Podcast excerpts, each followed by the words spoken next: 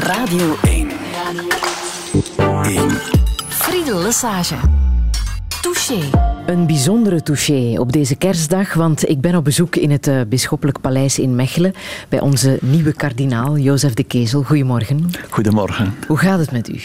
Bah, dat, gaat, dat gaat tamelijk goed. Mm dat is nu al een jaar dat ik hier ben. Want mhm. ik ben aangesteld op 12 december vorig jaar. Dus dat is al een vol jaar. Ja, ondertussen heb ik mij wel al een beetje ingewerkt. Veel mensen leren kennen, de situatie wat leren kennen. Complexe aangelegenheid voor mij. Ondertussen, ja, onlangs ook nog kardinaal geworden. Het is allemaal een beetje vlug geweest voor mij. Maar ik voel me toch, ja, ik denk dat ik een, gelukkig mens ben. Ik heb wel veel zorgen ook. Hè. Druk programma. Maar fundamenteel voel ik me toch goed. God zich gedankt, ja. Toen u kardinaal werd, zei u ja, dat zal wel even wennen worden. Went het, kardinaal zijn? Ja, dat, daaraan ben ik nog niet helemaal gewend. Nee, nee, nee. Want uh, ja, tot hiertoe, als men over kardinalen sprak, over het conclaaf, ja, dan dacht ik toch altijd aan anderen. Hè. Dat is iets wat in het verleden gebeurd is, of in elk geval is dat. Ik had me daar nooit mee geassocieerd. Ik had me nooit, nooit gezien dat ik tot die groep zou behoren. En plots hoor je dat. Ja, echt waar, dat is een beetje vreemd. Maar goed, dat zal wel wennen, zeker, ja. En eigenlijk, ja, ja dat zal voor de anderen ook wel zo zijn, ja. Zo, ja, dat gaat wel. ja. Behalve kardinaal blijft u ook aartsbisschop uh, hier in Mechelen. Is dat een toffe job? Maar toch wel, ja. Maar een toffe job, ja. Ja, soms droom je wel van iets anders. Droom je wel eens van een rustiger leven. Uh, ik heb, uh, toen ik jongere priester was, en toch vrij lange tijd, uh, kunnen lesgeven. Ehm, ja, dat vond ik wel een toffe job. Mm. Dat vond ik echt een toffe job. Nu, ehm, wat de job wat, eh, ik zeg niet minder tof, want ja, je wordt ondertussen ook ouder. Dat is de verantwoordelijkheid. Je, je komt met veel mensen in contact, met veel situaties, met problemen natuurlijk ook. Want ja, dat is ook normaal, ja. Ja, en dat kan soms wel wat zwaar wegen. Dat je niet goed weet, uh, wat moet ik daarmee doen? Wat zou hier het beste zijn? Ik heb van, van temperament, ja, dat zeggen ze van mij, dat ik een tamelijk goed kan inleven in de situatie van anderen. Maar dat maakt het niet altijd zo gemakkelijk dan om, om, om beslissingen te nemen. Hè. Hmm. Dan vraagt men zich wel af, is dat de goede beslissing? Kan ik dat wel zeggen tegenover die mens? Hoe moet ik dat aanpakken? Dat zijn dingen waar je, die de, de job daarvoor niet minder tof maken, maar die me soms wel bezwaren. Dat is wel waar, ja. De aanspreektitel voor een kardinaal is eminentie. Ja. Hoe spreken ze u hier aan Monseigneur, in het ja. bisschoppelijk Monseigneur, paleis? ik vraag dat ook, ja. Uh, eminentie, dat is voor de zeer grote plechtigheden, zeker in het publiek, dat is dus de traditie. Maar het is niet de gewone dagdagelijkse aansprekingstitel. Ja. Nu, dat vind ik, niet, uh, dat vind ik echt niet nodig. En hier zitten we nu in uw kantoor. Ja, ja. Met een kerstboom. Ja. Want het is kerstmis natuurlijk. Het is kerstmis, ja. ja. Heeft u die gezet? Nee, er is iemand die dat hier gezegd heeft. Een brave man die hier werkt. Hij is van Irakese afkomst. En hij... Uh, ja, ik had normaal niet aan een kerstboom gedacht, maar hij vond dat, dat dat niet kon, dat er geen kerstboom zou zijn. Vindt u hem mooi, de kerstboom? Ja, ik vind dat wel mooi, maar ik hou niet zo van glitter, nee. nee. Van glitter, houdt u niet? Nee? nee? nee, En vooral niet, het is geen echte boom, hè. het is een, uh, een namaak. En ja, maar ik vind het mooi en ik vind het ook, het is eerbied voor die man. Hij vindt dat mooi. Hij heeft dat met veel liefde en, en genegenheid voor mij gedaan. Dus uh, mm. dat is wel het belangrijkste. Hoe zou u zichzelf omschrijven? Dat is moeilijk, hè? Dat is een moeilijke vraag. Ik denk dat dat iets van het moeilijkste is. Zichzelf kennen. En ik denk dat je veel kunt leren van anderen. Wat anderen over jou. Natuurlijk kunnen anderen zich ook vergissen. Hè? Er kan ook uh, verkeerde dingen over jou gezegd worden of geroddeld worden. Het zijn de anderen die je leren wie je eigenlijk bent. Ik denk dat wel. En wat zeggen ze over u? Ze zeggen, ik hoop dat het waar is, ja, dat ik vriendelijk ben, dat ik goed kan luisteren, dat ik uh, voorzichtig ben. Men heeft dat ook gezegd toen ik in Brugge was, dat ik mm, voorzichtig in de zin van niet altijd uh, besluitvaardig. Ik denk, voorzichtigheid kan ook goed zijn, hè, maar kan ook te vlug beslissen. Maar dat zegt men zo voor mij dat ik, uh, ja, dat ik een goed karakter heb. Er zijn natuurlijk dingen die ze van mij niet weten. Hè. Zoals? men, zoals bijvoorbeeld, men zegt, ook als ik in de liturgie moet voorgaan, ja, heb ik al dikwijls gehoord, je doet het zo rustig. Ja. Maar ik kan ook heel zenuwachtig zijn. Ja? Ja, als er veel dingen tegelijk, bijvoorbeeld morgens als ik op mijn kantoor, mijn bureau kom, ja, de mailbox moet opengedaan worden, de correspondentie komt dan straks, er is nog een telefoon ondertussen, uh, die klopt nog aan de deur.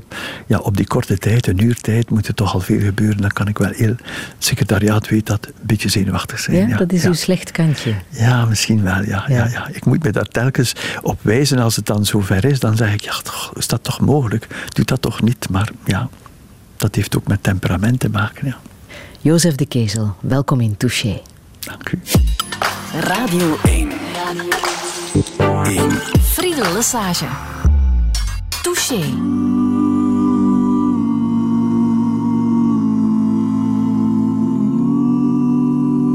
I'll be home for Christmas.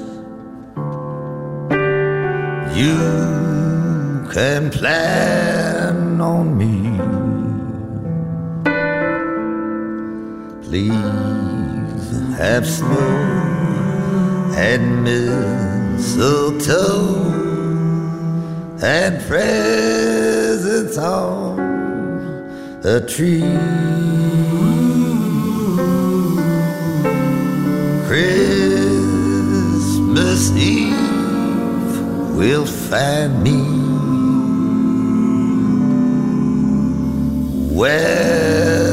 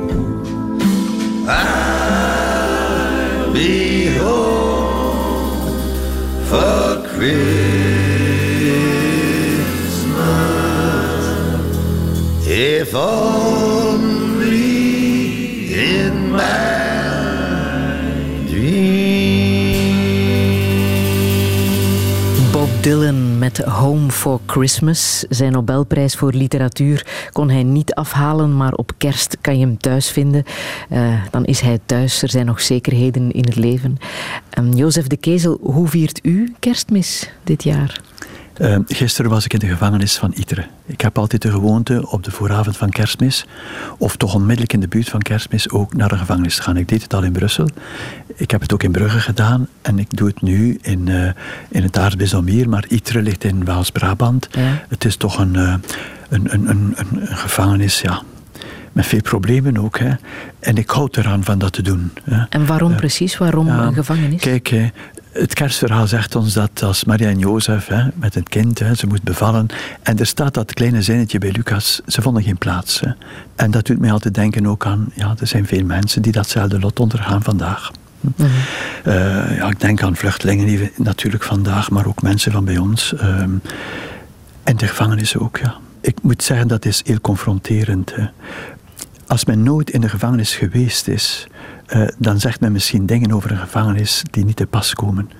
Als men één keer daar binnen is geweest, één keer, dan is het wel confronterend. Hè. Heel confronterend. Als je dan iemand hoort die zegt: Ik ben hier al 25 jaar, dan word je toch wel stil. Ik vraag nooit waarom ben je hier of wat is er gebeurd. 25 jaar, dat betekent dat er wel erge dingen gebeurd zijn, maar goed. Natuurlijk, die, die mensen zijn in de gevangenis ja, om, om, ja, omdat ze gestraft zijn, omdat ze dingen gedaan hebben, maar het blijven mensen. Het is onvoorstelbaar welke menselijke tragiek men daar soms ja. ervaart. Ja. Viert u ook kerstmis met uw familie? Ja, daar houd ik ook wel aan natuurlijk. Ja. En hoe vieren ze in de familie De Kezel kerstmis? Ja, natuurlijk, we komen niet allemaal samen, want we zijn zeer talrijk. Mm Ik kom uit een heel groot gezin. Hè. Ik ga bij een, een van mijn zussen. Hè. Maar we hebben wel gelegenheden genoeg in de loop van het jaar om elkaar... Uh, om elkaar te ontmoeten. Ja, ja. we zijn zeer, uh, zeer familiaal gebonden. Ja. ja. Dat, dat is voor mij een grote steun. Ja. Is voor u kerstmis een exclusief christelijk feest? Ja, men kan het niet van zijn betekenis ontdoen. Het is, een, uh, ja, het is de geboorte van Jezus, dat is het kerstfeest. Maar het heeft nog uh, pre-christelijke wortels. Hè? Het mhm. heeft te maken met de, de winterzonnewende. De dagen die vanaf de kortste dag en die opnieuw beginnen lengen. Hè? Feest van het licht. Het was al uh, bij de Romeinen, bij de Germanen, een, een feest. Het is nadien gechristianiseerd. Dus in die zin is het niet een exclusief christelijk feest.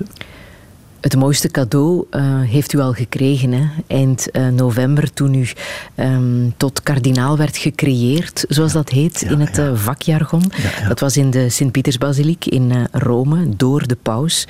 Hoe heeft u zelf dat moment beleefd? Want dat moet wel heel erg bijzonder zijn geweest voor u. Ja, dat was bijzonder. Ik was toch wel zeer emotioneel. Ja, ja het was een eenvoudige viering. Maar ja, als men in Rome zegt eenvoudig, dan is het nog wel uh, alles erop en eraan. Want als je zo... Niet dat ik een grote kenner ben, maar ik ben toch zeer kunstminnend. En ook architectuur, ja, die kan heel mooi zijn. Hè? Bijvoorbeeld de barok ligt me niet zo goed. Ik heb liever Romaanse, wat, wat, wat, uh, kerken betreft. Maar als je onder de koepel van Sint-Pieters, van Michelangelo. Ja, dat is. Mijn ogen, dat is het summum. Dat is, dat is bijna de perfectie. Dat is, alles is daar zo. Uh, ja, en dan de liturgie onder de, de baldakijn van Bernini. Uh, ja, en dan natuurlijk loop je daar als kleine mens, daar, je, zit er dan tussen en je zegt, wat is dat hier toch allemaal? Waar, waar ben ik hier terechtgekomen?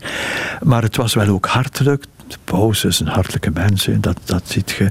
Maar dan ook alle andere, waren veel kardinalen, ook gepensioneerden. Ja. Ik zag ook wel dat ik stilletjes aan uh, een zekere leeftijd uh, behaal. Maar het was een mooi moment. Misschien kan dat van buitenaf, als de camera erop staat, wat stijf zijn. Je zit in dat plunje dat, dat, dat je niet dagelijks draagt. En ja, het heeft een zekere charme. Ja. maar, van, maar het was een emotioneel moment. Ja die, die traditionele kledij, dat is niet meer van deze tijd. Nee. Nee, dat is niet van deze tijd. Daar loop je ook niet mee op straat. Hè. Daar loop je ook niet dagdagelijks mee te werken. Dat is alleen voor bij bepaalde gelegenheden. Hè. Mhm. Wij dragen dat bijna nooit hier. Hè die, die traditie is verloren in Rome. Ja, in Rome is dat een beetje meer. En zeker binnen de muren van, uh, van het Vaticaan moet men, alhoewel ook daar de traditie stilletjes aan veranderen. Maar het is normaal dat men op de creatie zelf, dat men er zich ook naar kleedt. Maar het is niet de kledij om, uh, om daarmee rond te lopen. ja. Die ring, is dat een kardinaalsring? Nee, nee, nee. Dat is een ring die ik van mijn oom heb gekregen. Mijn oom was uh, hulbischop in Gent. En die heeft het concilie meegemaakt. En vroeger droegen de bisschoppen, sommigen nu nog, uh, grotere ringen. Hm? Mhm. Met een steen in, hè? met een of andere kostbare steen. Of, uh. Maar Paulus VI, op het einde van het concilie, heeft aan elke bisschop een ring gegeven. Een vissersring noemde hij het. Hè? De apostelen vissers. Eenvoudiger. En ik heb dat van hem overgenomen. Maar nu bij de creatie tot kardinaal kreeg ik weer een nieuwe ring. Die is een beetje groter dan die. Ik zal dat dan ook eens dragen als dat bij dat kostuum past. Maar normaal gezien ga ik voortdoen zoals ik was. Ja. ja. Kardinaal, dat is de op één na hoogste functie uh, in de Rooms-Katholieke Kerk uh, na de paus. U bent nu ook een van de persoonlijke raadgevers van uh, de paus. Hoe gaat dat concreet? De paus raadgeven? Hoe, hoe, hoe gaat dat? Moet het zelf nog wat leren. Hè? Het is nog allemaal niet voor mij. Maar dat is ook niet zo moeilijk. Hè? De pauze is toegankelijk. Je kunt, uh, Dus je kunt persoonlijk ontmoeten, een gesprek Mhm. hebben, hè, een, eh, een rendezvous vragen enzovoort. Hè. Dat, wordt, dat wordt ingewilligd, ja. En we komen ook op vergaderingen in een van de depar- departementen van, eh, van het Romeinse bestuur, van wat men noemt de Curia Romana, hè, het Romeinse Mhm. curie. De raadgeving gebeurt niet altijd rechtstreeks tegenover hem, maar kan ook rechtstreeks over, tegenover hem eh, Ja. eh, gebeuren. Hè. Welke verwachting had u eh, bij de aanstelling van, van deze paus, van paus Franciscus in eh, 2013? Voordat hij paus werd, was ik eigenlijk met die zaak niet zo bezig. Ik, ik keek naar het nieuws op tv en ik hoorde dat er eh, beweging kwam, dat het, zou, ehm, dat het wel mogelijk was dat er witte rook zou komen. En ik ben blijven kijken. En ik moet eerlijk zeggen dat ik, toen ik hem zag, en datgene wat er toen gebeurde op het Sint-Pietersplein, eh, de manier waarop hij, toen hij zei Buonasera, ik, ik zie dat voor de eerste keer, Buonasera, het gebed vragen voor zo, zo, met zo'n eenvoud. Ja, ik was echt ontroerd. Ik was echt ontroerd. En op welke manier Ja. inspireert hij u? Ik voel me door hem ges- gesterkt. En ook binnen de kerk is er een, en dat is ook goed, een zeker pluralisme. Niet iedereen denkt altijd in dezelfde richting. Hè. En dat is ook normaal, hè, als het een levend organisme is. hm. En als het niet dictatoriaal bestuurd wordt. Dat is normaal. Maar dan, hoe groter uw verantwoordelijkheid is, niet dat men niet vrij is, maar men moet, men moet toch zien wat men zegt. Men mag niet mensen zomaar voor het hoofd stoten. Sommigen denken dikwijls zelfs, wel, moest ik bischop zijn, moest ik aartsbisschop zijn, ik zou het zo en zo doen. En dan, ja, Maar dan zeg simpel je, totdat niet. je het bent, want je Ja. leert het dan wel. Dat is een heel belangrijke zaak, denk ik. De paus is er eh, vorige week 80 geworden. Hè? Ja, ja. Hoe heeft u hem gefeliciteerd? Ja, ik heb hem een brief geschreven. Ja? Ah ja, natuurlijk. Het was de gelegenheid om nog een keer, ja, en ook nog eens te bedanken. Niet alleen voor mijn, eh, dat hij mij tot kardinaal benoemd heeft, maar ik heb hem ook geschreven dat, ja, dat ik wel hoor dat dat niet alleen mij betreft, maar ook onze Vlaamse kerk, Belgische kerk, dat mensen daarmee opgetogen zijn, dat ze zich weer een beetje erkend voelen. En ik heb hem ook bedankt voor, eh, voor hetgeen hij doet. Ja. Een handgeschreven brief? Ja, ja, Ja, ja, ja, ja, zo gaat ja, dat. Ja, ja, ja, ja. Ja. Heeft hij u verteld hoe het komt dat u zo snel tot kardinaal bent eh, benoemd? Ja, we hebben een gesprek gehad daarvoor, maar ik ga nu toch geen confidenties, dat is zo. Maar hij heeft mij, eh, ik heb wel gevoeld, hij heeft mij bedankt voor, eh, voor wat ik doe. We hebben toch een mooi kort, ja, toch wel wat toelichting gekregen, ja. Ja, U hoorde het toen u ergens op een bus zat, hè? ja, ja in ja. Monaco. Na Ik was in Monaco, er was een vergadering. geweest van de voorzitters van de Europese bisschoppenconferenties, die ieder jaar gehouden worden, maar altijd in een ander land. Nu was het dus Monaco, het kleinste. Ik zat op de bus voor de vlieghaven naar Nice. En ze komen mij zeggen, een paar bisschoppen. En ondertussen, na de mis, hadden die al op, eh, op een... eh, op een iPad of wat ze hadden, hadden ze het al vernomen dat de paus om 12 uur op Sint-Pietersplein al a- en mijn naam hadden gehoord. Zo heb ik het vernomen. Ja, Ja. daar zat u dan op die bus. Ja, ja, ik wist werkelijk niet. Ja. ja, maar het moest wel waar zijn. Nee, het kon nu ook niet verwisseld zijn met een andere naam. Ja. En ja, ja. Goed, ja, dat was wel eh, ja, echt een verrassing. Ik, had het nooit, ik wist ook niet dat hij dat ging zeggen. Ik wist ook niet dat er, eh, dat er sprake was van nieuwe kardinalen. Eh, en u was nog maar net aartsbisschop Ja, ja, ja. eh, benoemd, Ja, ja. eh, sinds december vorig jaar. Al zo snel kardinaal worden, daar had Rome Reports, dat is het eh privé-persagentschap van eh, Rome, toch een uitleg voor. En ik wil dat even aan u laten horen. In a consistory with unusual choices, one could argue that Joseph de Kessel's election is one of the most mainstream of them all. Brussels has historically been a red hat sea. However, the circumstances in which the Archbishop has been selected for the most exclusive club in the Catholic Church are very particular. Brussels has suffered a terrorist attack this year and is considered to be one of the most important breeding grounds for Islamist terrorists. So it is understandable that Pope Francis wanted to send a signal to Belgian Catholics that he is with them in these difficult times.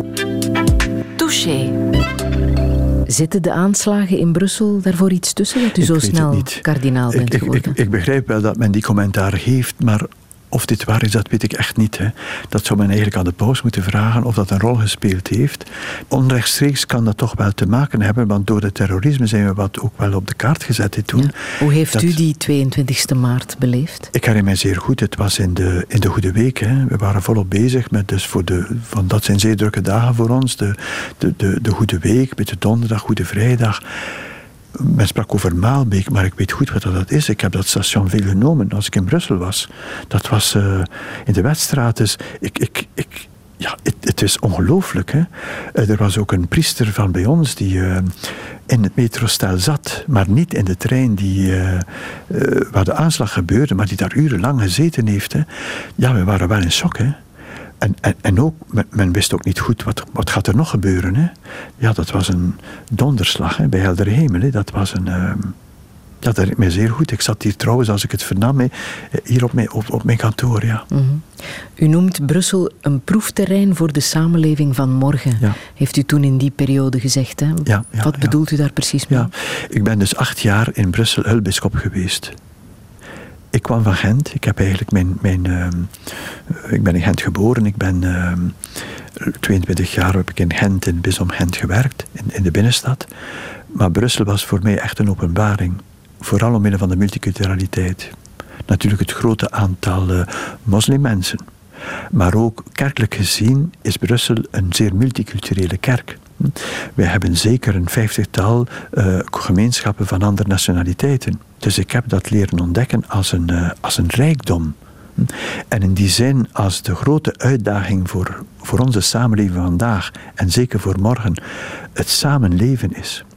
En niet alleen samenleven, maar ook het samen bouwen aan de samenleving. Dan is Brussel en, en ook in Vlaanderen meer en meer de grote steden, denk aan Antwerpen, hè, dat zijn uh, proefplaatsen. Hè. Dat is uiterst belangrijk, want zij tonen, want de toekomst is dat. Hè. Migratie, uh, de, de, aanwezigheid van vreemdelingen bij ons, men kan daar voor of tegen zijn. In dat geval, er is geen alternatief. Dat is het, hè. dat is de uitdaging. Hè. En daar moeten we alle krachten aan geven hè, om dat te doen lukken. Want het is een fantastisch project. Hè. Dat mensen elkaar respecteren ook als ze anders zijn.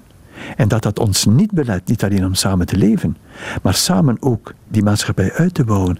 Dat vind ik van de moderne cultuur, dat is een fantastisch project.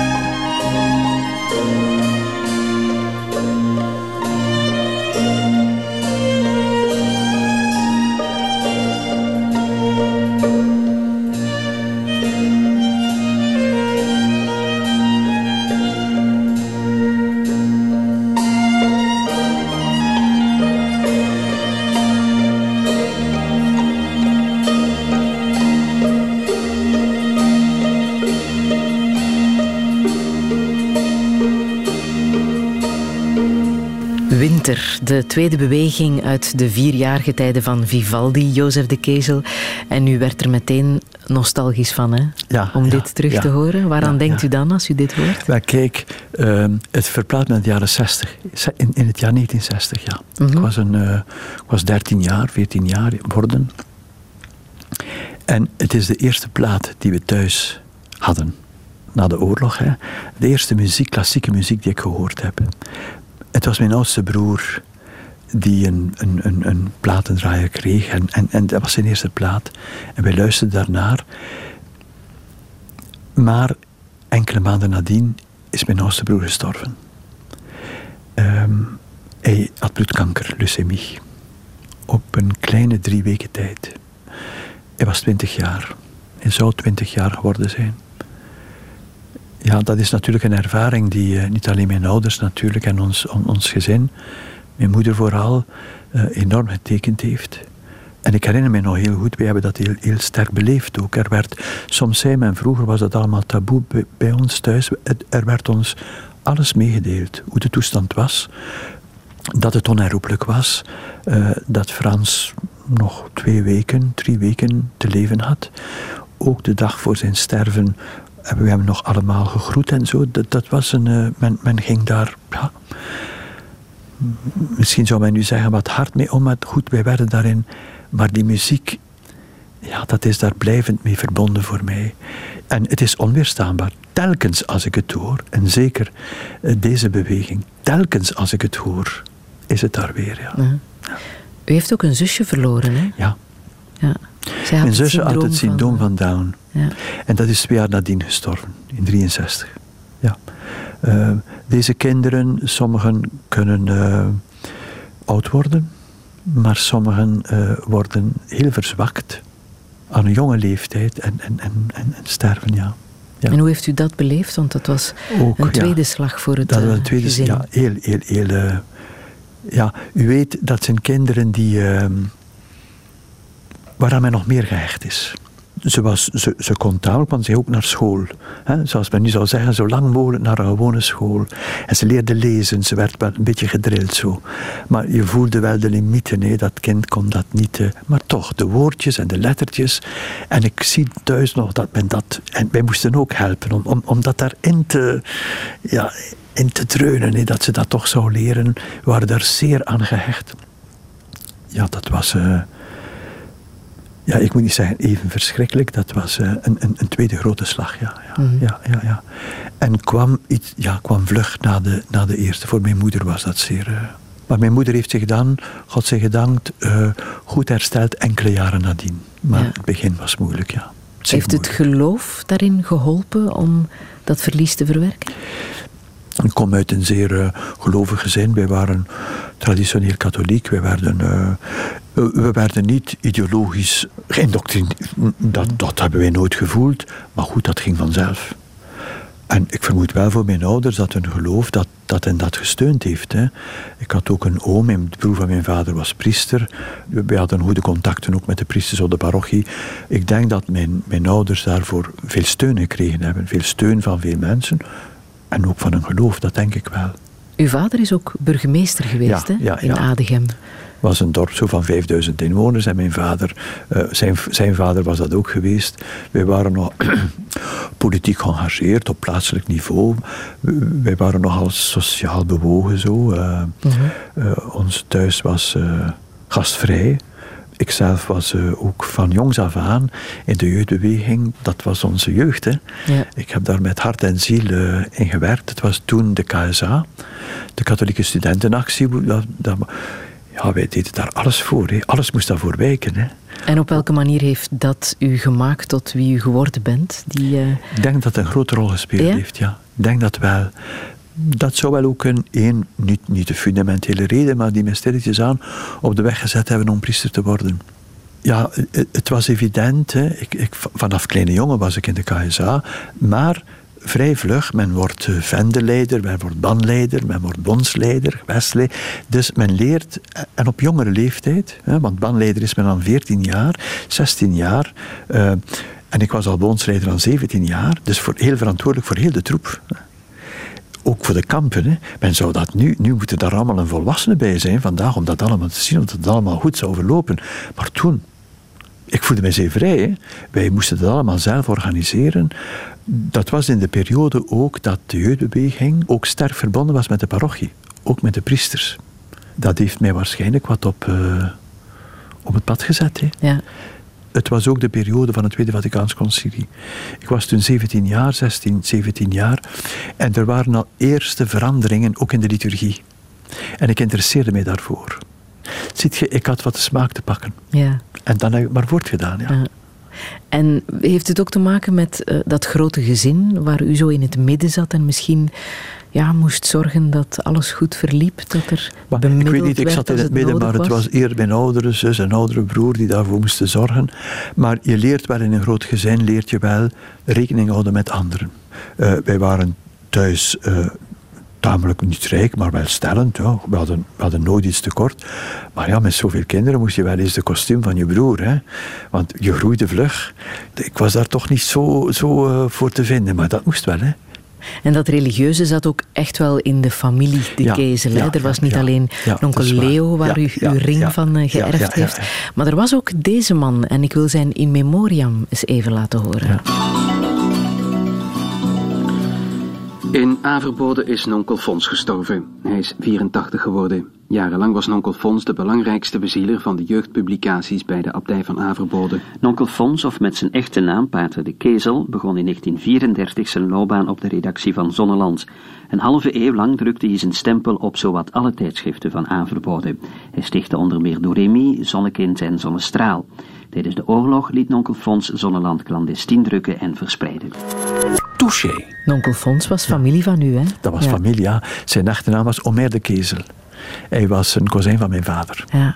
Ja. En welke band had u met hem? Ik had heb hem zeer, zeer goed gekend. Ja? En ik ging zeker één keer of twee keer per jaar met mijn oom uh, naar Averbode. Ik herinner me nog, toen was ik een kleine jongen, dat mijn ouders, ze gingen nog niet zo ver op reis, maar dan waren we toch drie, vier dagen in de abdij van Averbode.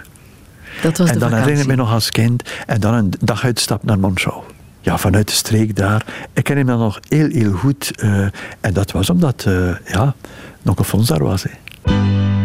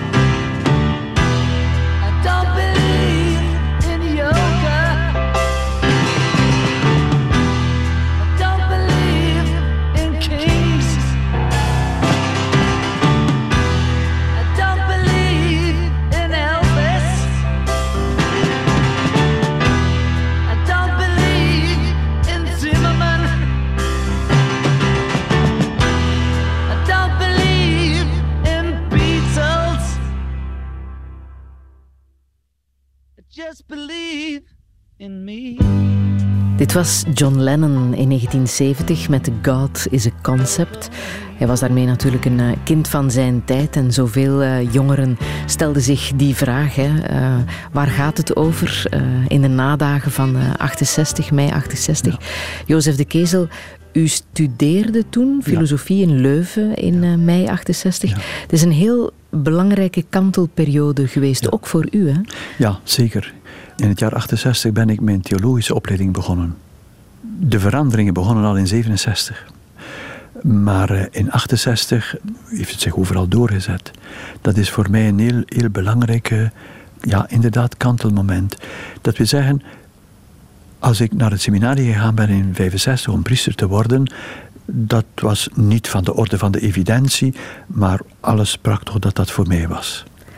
Maar in 68 werden vragen gesteld. Ja, dat heeft mij getekend.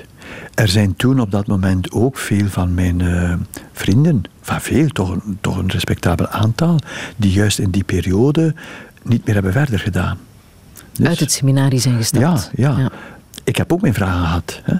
Maar goed, ik ben toch verder gegaan. Ik heb, en waarom precies? Ja, wat heeft u dan ik overtuigd heb een, wat om mij, toch... Wat mij zeer geholpen heeft, dat is mijn theologiestudies. Uh, je kunt studeren in de zin van, ja, je studeert omwille van je examens.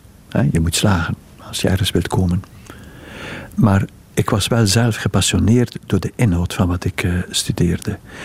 Het was voor mijzelf een zoeken naar. Uh, ja, om mij als, als, als geloven ook te positioneren. En ik heb het geluk gehad van dan juist theologie te mogen studeren, omdat het de periode was dat zeker in Europa hier, vooral in Duitsland en Frankrijk, toonaangevende theologen waren.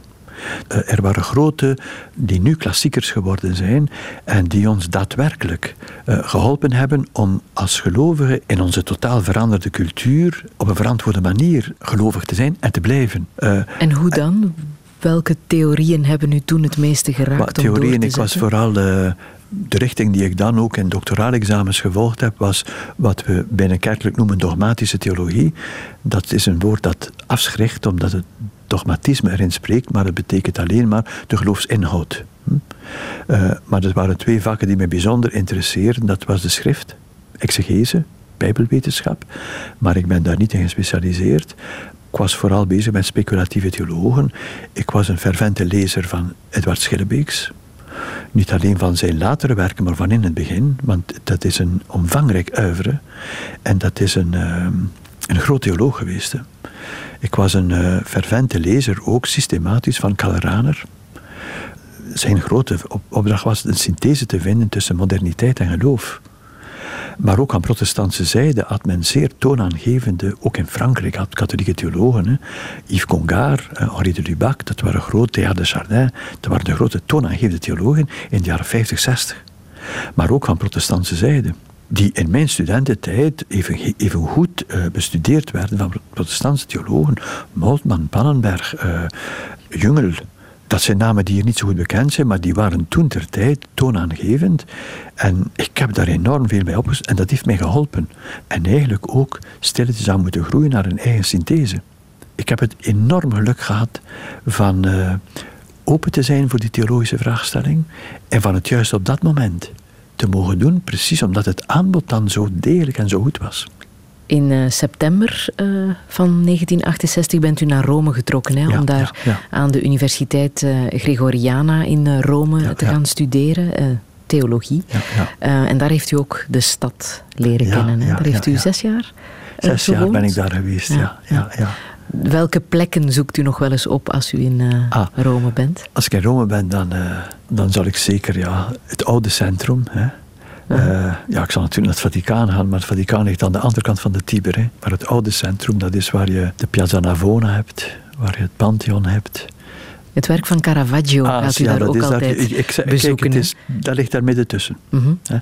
Als je van het, van het Piazza Navona naar het Pantheon gaat, komt je aan de kerk van de uh, Saint-Louis des Français. Dus de, Frans, de Nationale Franse Kerk. En daar hangt een schilderij van Caravaggio. Ik zal daar nooit, nooit passeren dat ik niet naar de binnenstad ga. En ik zijn er trouwens ook goede restaurants. En ik zal nooit daar passeren zonder binnen te gaan. Ja. Het zijn drie schilderijen. De roeping van Matthäus, dan Matthäus de evangelist en dan de marteldood. Ja, je, je weet niet hoe dat, hoe dat mogelijk is. Hè. Van coloriet, van uh, compositie, van uh, thematiek, gelaatsuitdrukking, de, de inhoud ook. Het is overweldigend. Ja. Maar ook van, het wordt mooi, je, je moet een euro insteken om het. Uh, ja, maar dan, dus je ziet het niet goed en dan steek je dat daarin en dan heb je een, uh, een overweldigende ervaring. Overweldigende ervaring. Maar ook de restaurants in Rome kunnen u bekoren. Bah, je moet toch zeggen, Italië, niet alleen wat kunst betreft, maar culinair is het toch een van de. Ik ga niet zoveel op, veel elders op reis, echt. Ik ga ieder jaar ook op vakantie, 14 dagen. Dat is ofwel Frankrijk ofwel Italië. Maar voor de rest, uh, Italië is een onvoorstelbaar mooi land. Ja.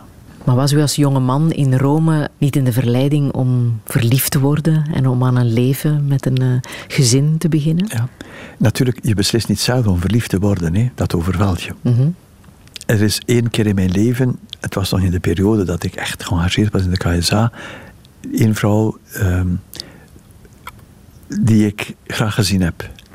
Ja, met wie ik het had kunnen stellen, ja. ja. Maar het is niet Maar gebeurd. het is nooit, uh, op, ik ben nooit op een punt gekomen dat ik zeg, kijk, ik moet nu kiezen. En heeft u dat gemist? Hm? Um, een intense relatie met een vrouw? Soms komt het maar echt gemist dat ik zeg, want dan zou ik het ook niet gedaan hebben. Ik zou niet celibatair gebleven zijn.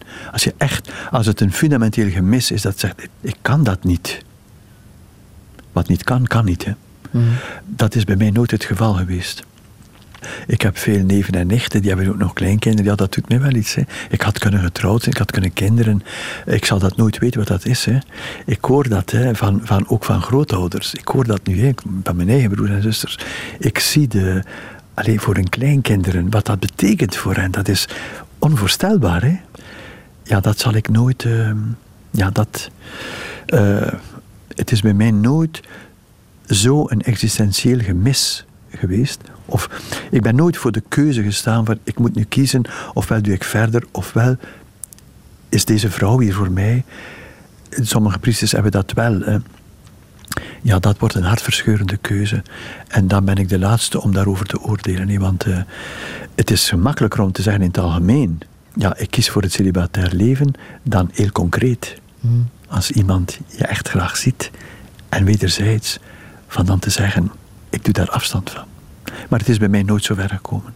De vorige paus had een heel intense vriendschapsband met een uh, filosoof, een uh, ja, getrouwde ja, vrouw, ja, waar hij uh, een intense correspondentie ook mee voerde.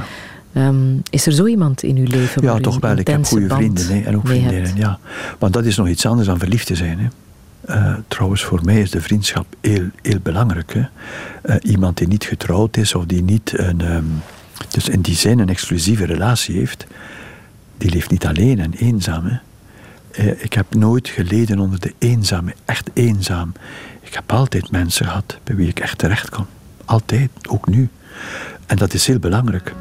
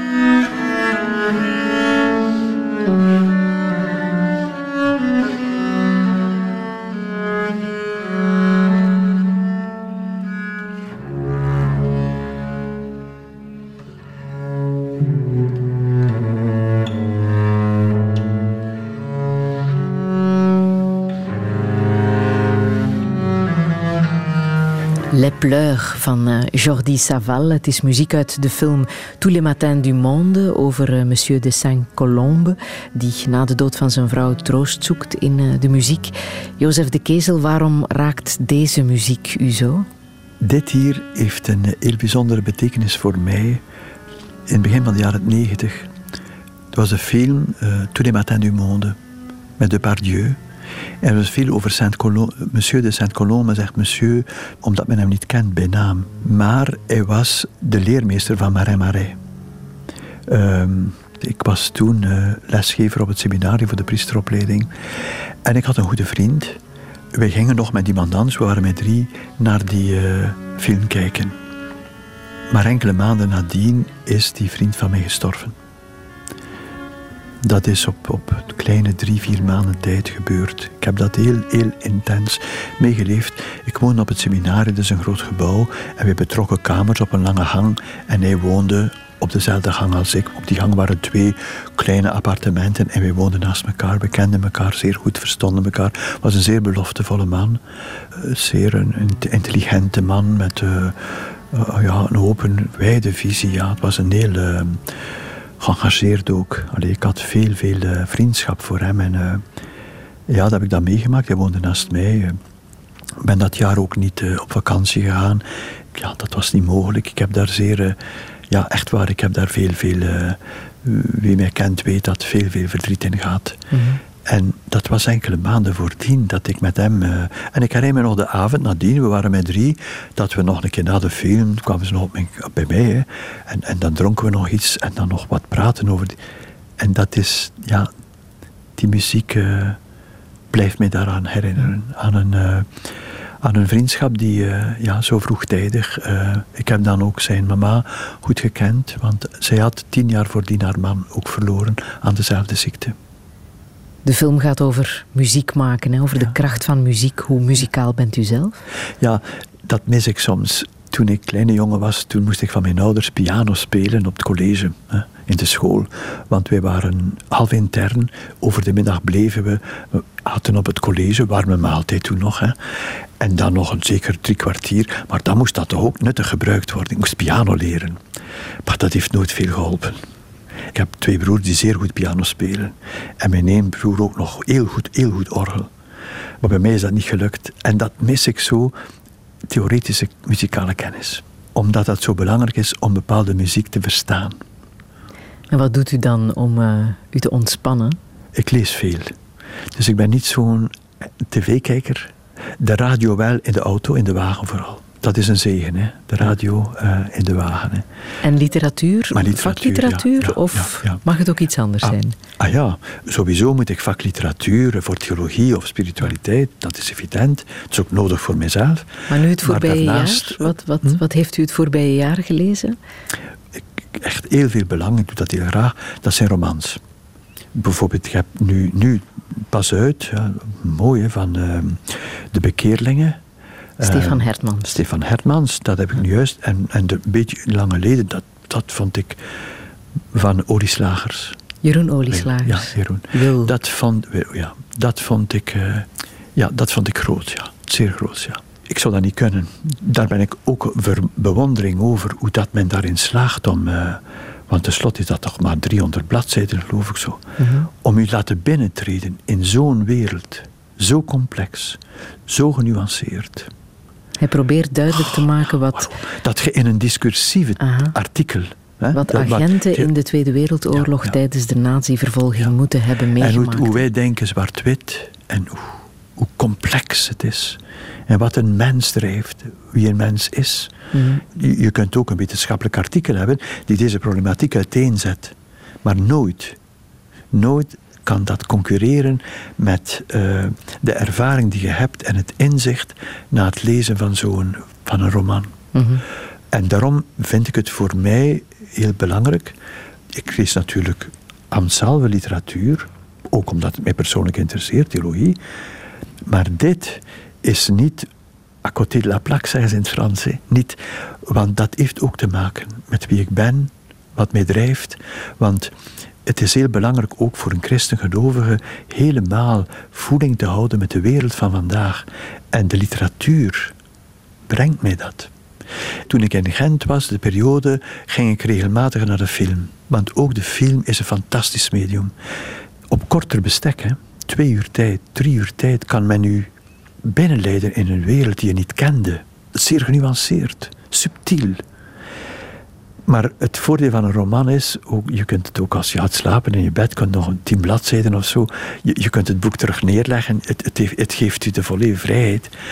Daar heb ik veel aan, dat ik zo, ja, dat vind ik voor mijzelf ook heel, eh, heel belangrijk, ja. Ik heb nog uh, muziek uit de film Des Hommes et des Dieux. Ah, ja. Um, Franse film uit 2010 van ja, Xavier ja. Beauvois. Gebaseerd op het waargebeurde verhaal van uh, acht Franse monniken in Algerije. die twintig jaar geleden in 96 uh, onthoofd werden door terroristen. Wat heeft u zo geraakt in die film? Ik zat in de zaal in Brugge. In Brugge. Ik was aan de film. In, in het centrum van de stad heb je een, een filmzaal. Ik herinner me nog heel goed, dat heeft zeker tien minuten geduurd. Als de film gedaan was, bleef iedereen zitten. Het was muisstil. Iedereen was. Uh... Wat mij zo diep raakte, dat is omdat in de film nergens gezegd wordt wat de kijker weet. Dat ze nadien zullen vermoord worden. De, wat mij geraakt heeft, is de twee zaken. Hoe ze intern tot de beslissing komen dat ze gaan blijven. Met alle risico's van die. Want de monniken weten, als we nu terugkeren naar Frankrijk, dan zeggen we heel duidelijk dat dit eigenlijk ons land nooit geweest is. Dat dat eigenlijk altijd Frankrijk is geweest. Want daar kan ik eigenlijk altijd naar terug. De dialogen zijn enorm, enorm. Hoe stilletjes aan iedereen op die, ja, want dat is helemaal niet evident. Helemaal niet evident. En wat mij dan bijzonder geraakt heeft, dat is de vriendschap. Dus men leeft in een moslimmaatschappij. De monniken zijn de enige christenen.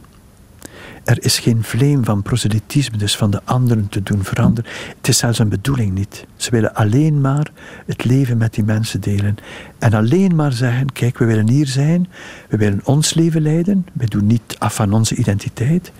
Maar het is in het totale weerloze respect voor u, met een grote eerbied, grote eerbied voor de islam.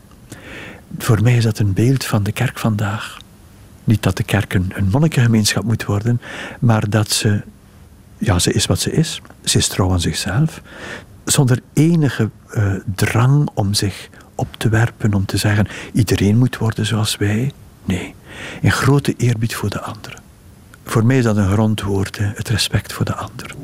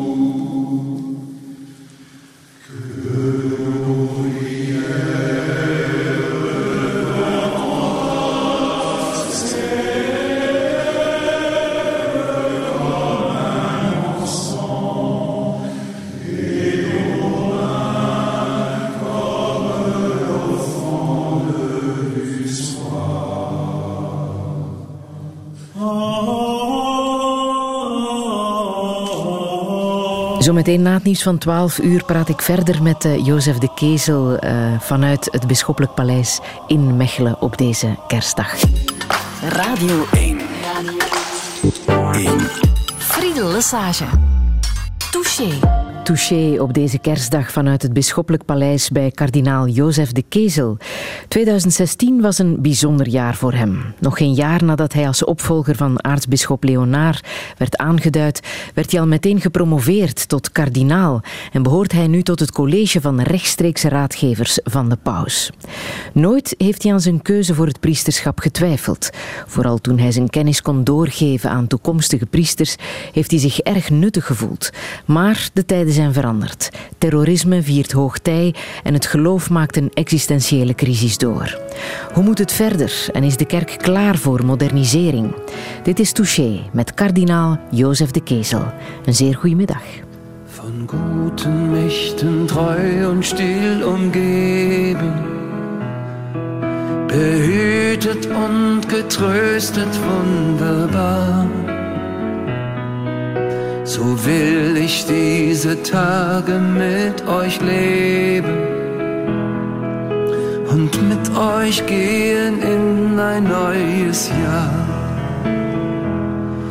Von guten Mächten wunderbar geborgen, erwarten wir getrost, was kommen mag. Gott ist mit uns am Abend und am Morgen und ganz gewiss an jedem neuen Tag. Noch will das Alte unsere Herzen quälen, noch drückt uns böser Tage schwere Last. Ach Herr, gib unseren aufgescheuchten Seelen das Heil, für das du uns bereitet hast. Von guten Mächten wunderbar geborgen, was kommen mag. Gott ist mit uns am Abend und am Morgen und ganz gewiss an jedem neuen Tag. Lass warm und still die Kerzen heute flammen, die du in unsere Dunkelheit gebracht für wenn es sein kann, wieder uns zusammen. Wir wissen es, dein Licht scheint in der Nacht.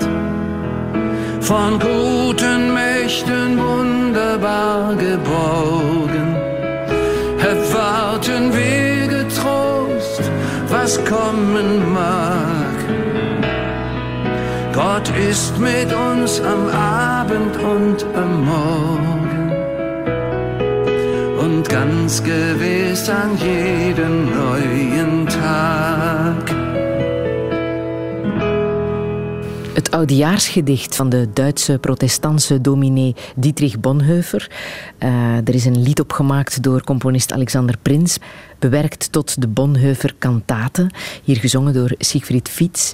Jozef de Kezel, uh, deze Bonhoeffer is uw mentor, hè? die Dietrich ja, Bonhoeffer. Ja. Uh, een auteur die ik zeer goed ken. Dietrich Bonhoeffer was, is dus gestorven uh, op het einde van de oorlog in 1945. Hij is opgehangen door de nazi's nog 14 dagen, drie weken voor uh, de val van de nazi's.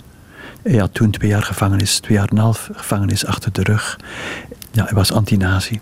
Maar hij is dat voor een groot deel geworden door de manier waarop hij zijn gelovig zijn, zijn christen zijn beleefd heeft. Het was een groot theoloog, een zeer beloftevol theoloog, is maar 39 jaar geworden. Maar en voor mij is dat heel belangrijk. Het toont dat uh, als je christen bent, gelovig, dat je dat niet bent naast de samenleving en naast deze wereld. Dat uh, de angsten, de, de vreugden ook van deze wereld, van de mensen, dat dat ook die zijn van de, van de christen. Dat hij niet in een aparte wereld leeft. In die zin was hij altijd iets allergisch voor datgene wat louter religieus was. Louter. Hij heeft daar indringend over geschreven. En uh, voor hem heeft, dat, uh, heeft hem dat heel ver gebracht. Heel ver gebracht. Hij is altijd een trouw lid geweest van de protestantse, de, de protestantse kerk, waartoe hij behoorde, de Lutherse kerk. Maar hij was zeer kritisch. Hij heeft mee de, de aanslag beraamd tegen ja. Hitler in 1944. Ja, dat is ook de reden waarom hij in de gevangenis is uh, beland. Hè? Ja, hij was bij die groep betrokken. Mm -hmm. Hij was bij die groep betrokken, ook zijn broer en zijn schoonbroer. Mm. Die trouwens ook alle twee gestorven zijn. Stel dat u in die tijd had geleefd.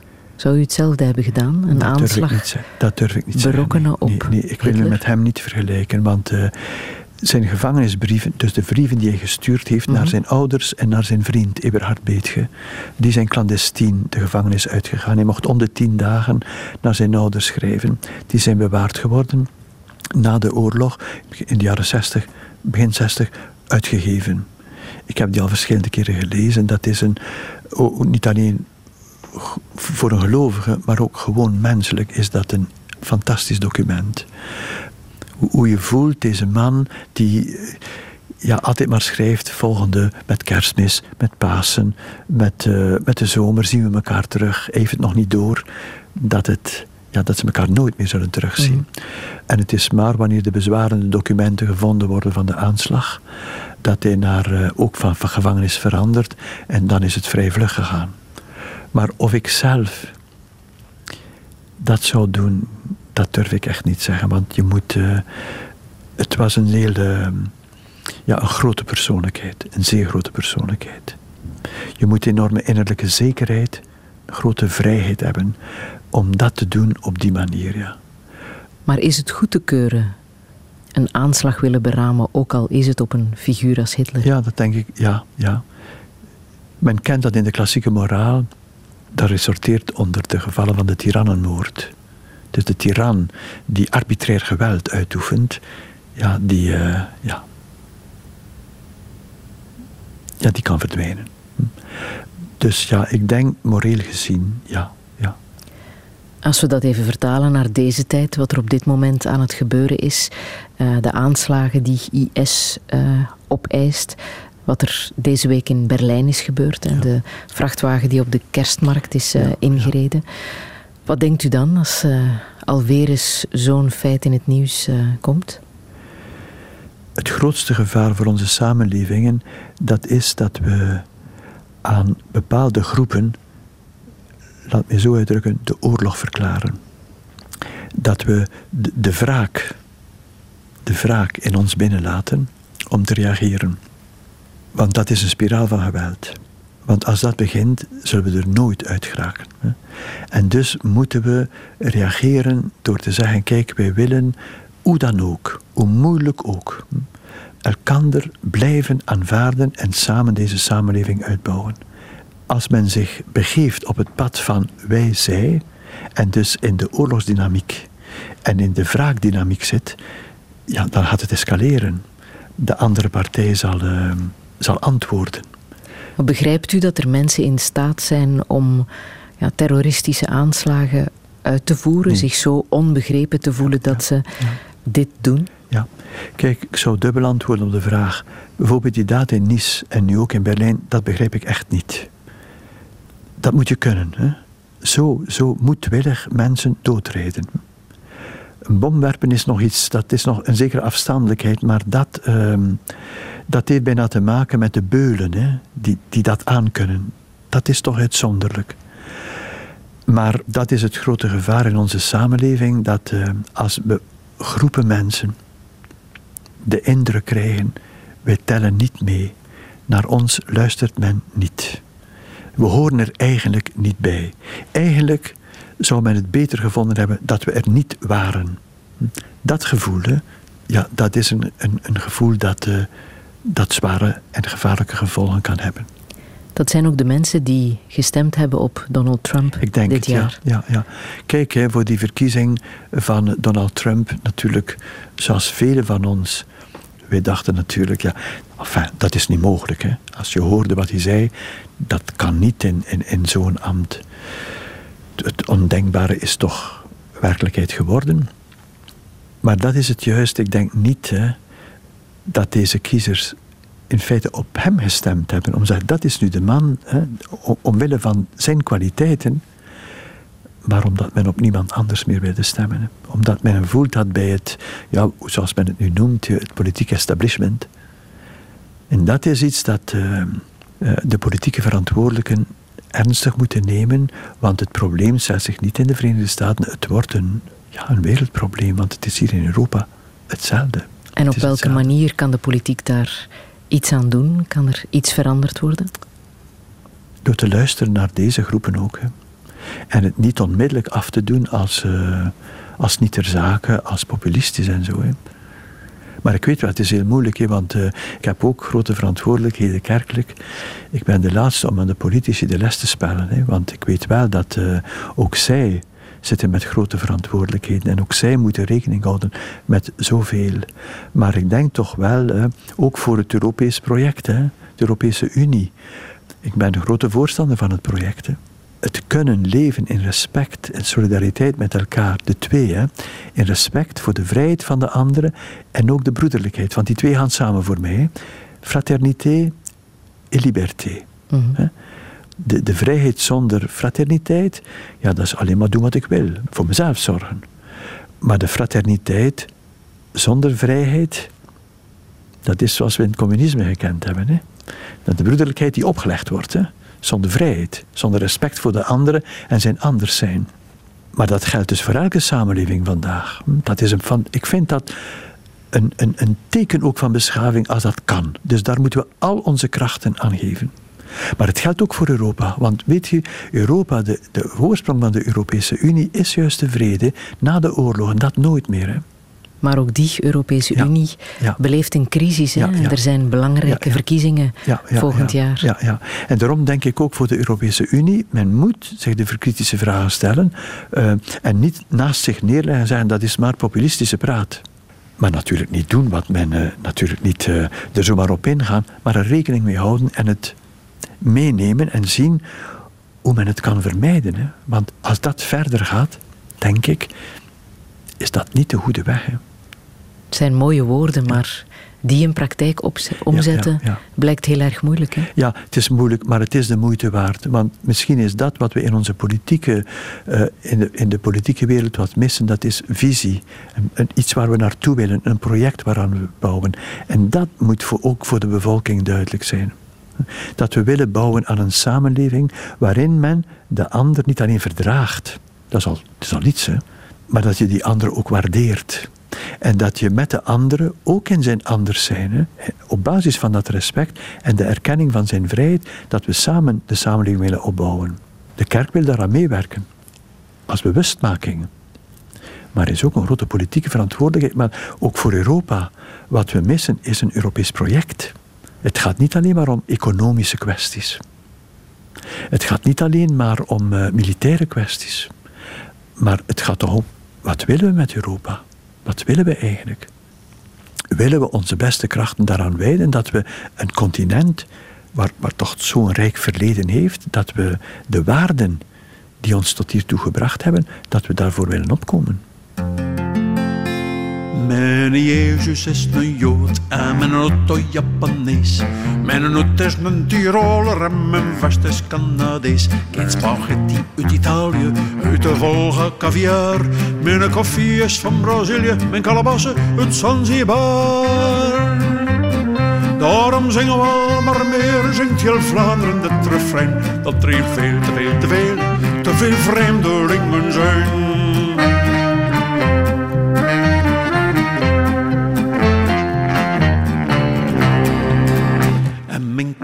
Uit Zwitserland, mijn broek uit Bangladesh.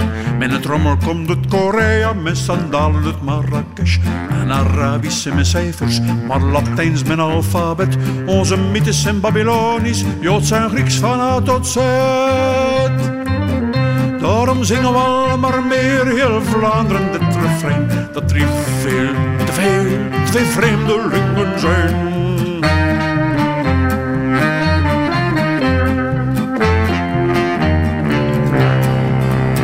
Eten vijgen uit Turkije en bananen uit Cameroen.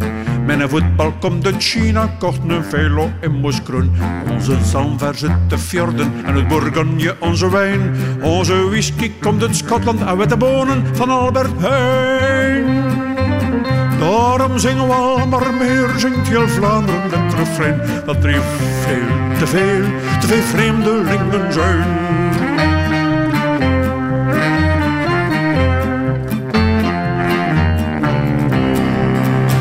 Service komt uit de Xenos, uit Ikea, de dressoir. Mijn laptop komt uit Taiwan van de CNA, mijn nep en waar. Tabenhout van mijn klarinette, uit de donker Afrika. Ik zou zo graag nog een keer trouwen, met een meisje Zambia. Daarom zingen we al maar meer, zingt heel Vlaanderen dit refrein. Dat er veel te veel, te veel vreemdelingen zijn.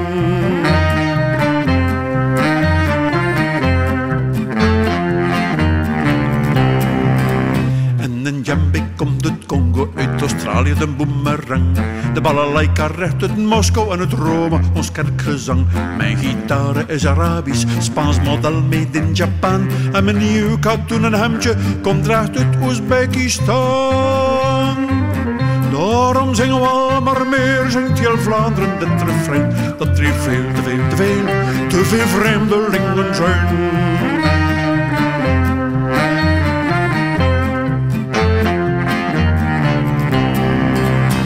Eten dadels uit Tunesië, straffe peperuts in Bengal.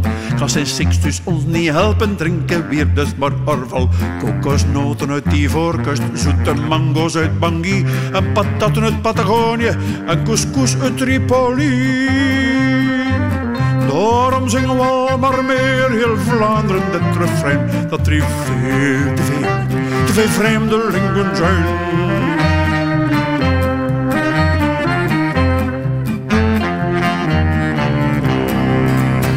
Onze poetsvrouw komt uit Polen, onze tuinman is een Brit.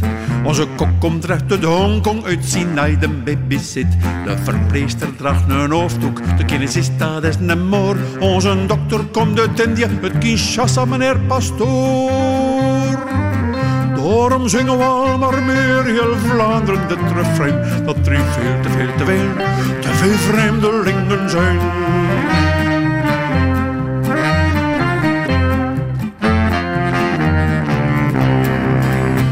Onze trainer van Kroatië, de beste spits is Braziliaan. En de rest al de tien andere in voor een Ivoriaan. We zijn vier te mogen zingen, absoluut ongegeneerd. Lang, lang leven onze koning, het Saxen kober geïmporteerd. Daarom zingen we al maar meer heel Vlaanderen dit refrein. Dat er veel, te veel, te veel, te veel zijn. Willem Vermanderen met Mijn Jezus is een Jood. Jozef de Kezel, u zat zichtbaar te genieten hè, van Willem, de Vermanderen. ja, Willem Vermanderen. Ja, ja. Waarom precies? Wel, ehm, mijn vader, ehm, de laatste jaren eh, was hij quasi blind, zag bijna niets meer. Ja, ik ging natuurlijk elke week de zondag bij hem en uh, voerde hem dan met de wagen. Een, een toertje. We gingen dan eh, altijd naar dezelfde plaatsen. Hè. Hij, hij was op de duur zeer honkvast. Maar hij had al die cassettes van Willem Vermanderen. Ja, het gaf hem zo'n uh, waarschijnlijk wat nostalgie naar een, een, verleden dat voorbij was. Het deed hem zoveel deugd. Hij hoorde het zo graag. Daarmee, uh, ja, dan moet ik onweerstaanbaar aan mijn vader denken. Ja. Zit er ook veel waarheid in dit nummer? Ja, dat denk ik wel, ja. ja. Zijn er te veel vluchtelingen? Twee jaar geleden was ik in Irak op bezoek. Weet u, hier komen natuurlijk veel vluchtelingen. Maar wat men hier niet weet, dat is dat onvoorstelbaar aantallen ginder zijn in hun eigen land. Vluchteling. Geen vreemdeling voor hen, maar vluchtelingen. Ik heb in Erbil de kampen bezocht. Dat is niet zo ver van Mosul. Ja, die mensen zijn op de vlucht.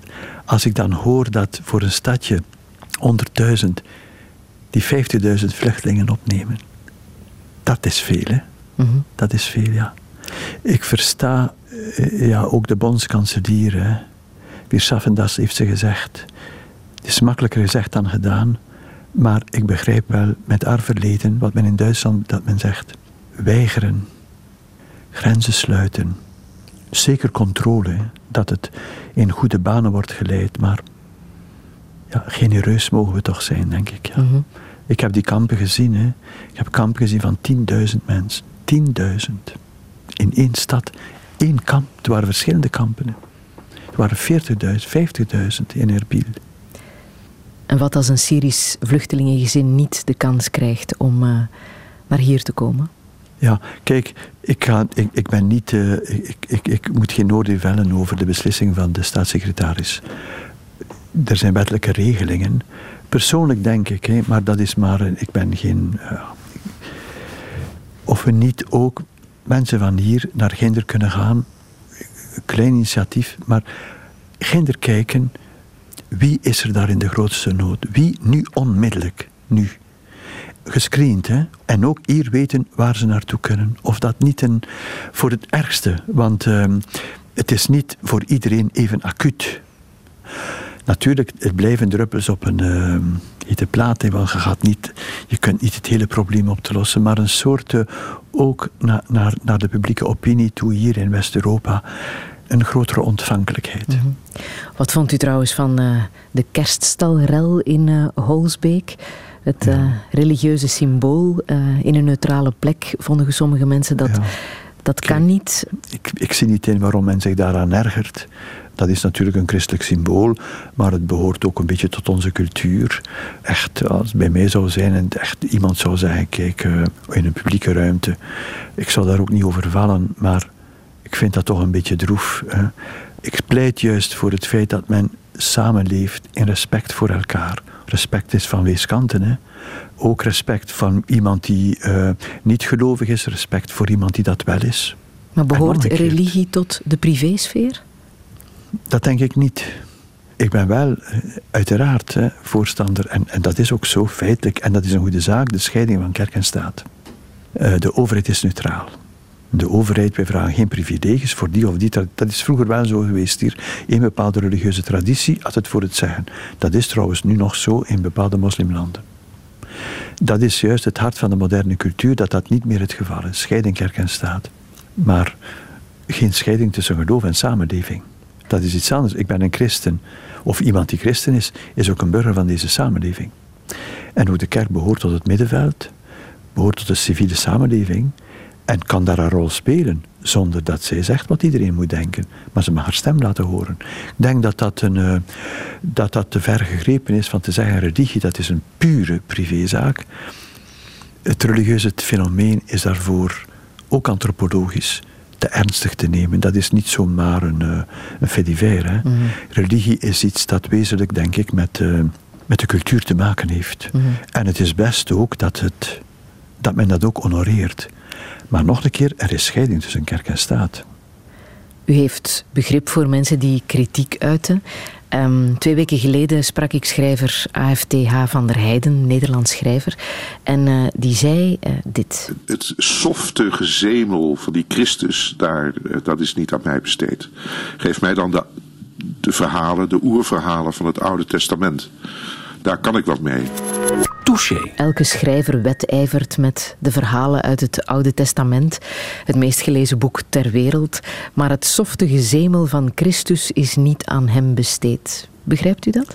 Ja, ik begrijp dat, maar ik denk vooral dat is als men het evangelie leest zonder het Oude Testament, dan riskeert men dat het soft wordt. Het, het, het, het Oude Testament vrijwaart er ons van dat we Jezus en datgene wat hij zegt, want hij is niet altijd zo soft, hè?